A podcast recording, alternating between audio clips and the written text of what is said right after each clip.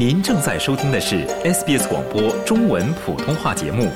更多节目内容，请浏览 sbs 点 com 点 au 闲斜杠 mandarin，或下载应用程序 SBS Radio App。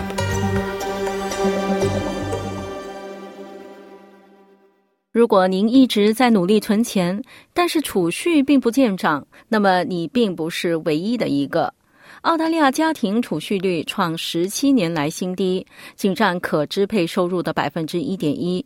虽然高生活成本是部分原因，但是一位经济学家表示，这主要是澳大利亚储备银行一项深思熟虑的政策的结果。下面请听报道。澳大利亚家庭没有在存钱，这可能并不奇怪，因为生活成本压力迫使许多家庭重新调整预算，增加在食品、杂货或者看病等必需品上的支出，而留下更少的钱以备后用。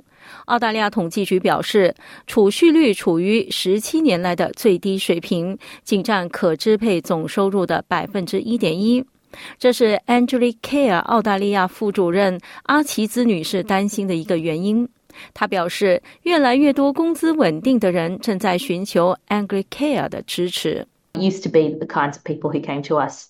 For emergency relief were people who were genuinely having a financial emergency. You know, some really big unexpected. 过去来向我们寻求紧急救济的人是真正遇到财务紧急情况的人，一些非常大的意外成本袭击了他们，或者有些人试图以非常非常困难的方式来进行管理他们的财务情况。低收入靠 Centrelink 付款的人，你知道，经常向紧急救济提供者寻求帮助。但是现在我们看到的是，从事有偿工作的人，也许有些家庭甚至有两个人从事有偿工作，向我们寻求帮助。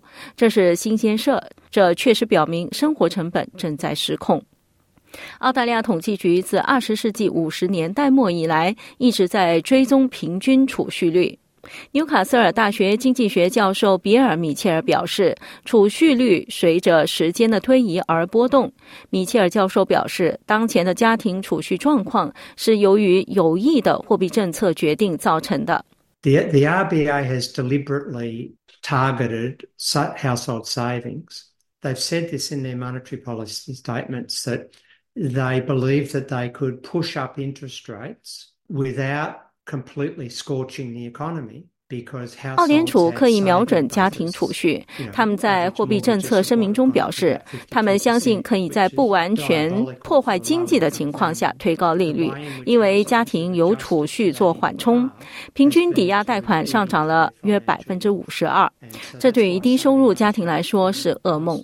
家庭适应这种情况的方式，在一定程度上已经吞噬了他们的财富。这就是为什么储蓄率再次下降到接近于零的原因。在我看来，这是不可持续的。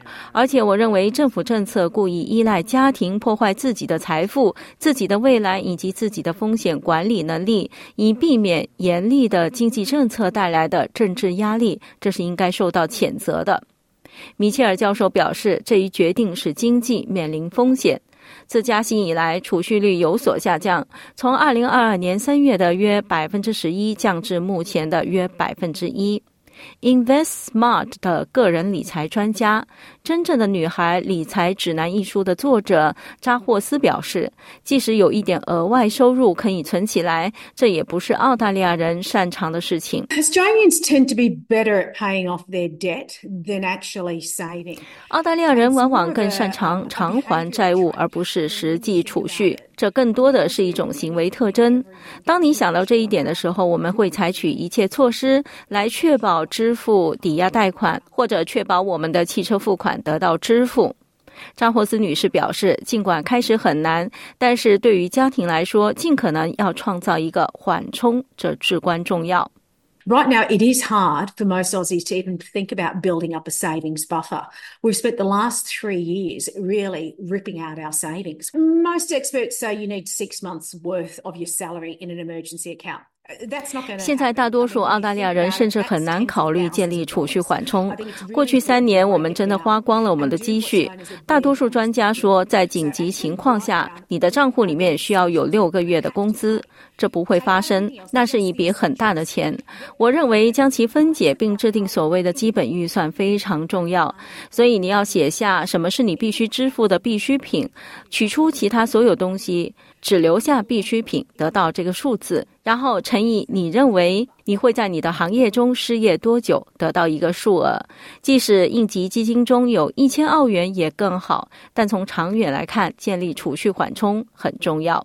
威廉姆斯教授表示，政府需要采取更多措施来改善家庭财务状况。首先要让人们保持就业。威廉姆斯教授表示，只要工资保持停滞，家庭就会继续陷入困境。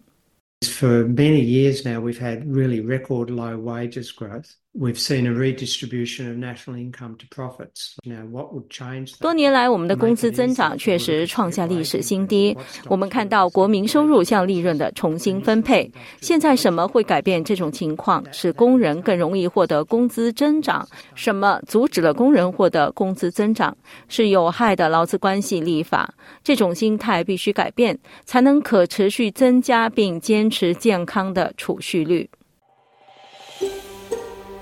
想听到更多这样的故事吗？您可以通过苹果播客、谷歌播客、Spotify 或者您喜爱的方式下载收听。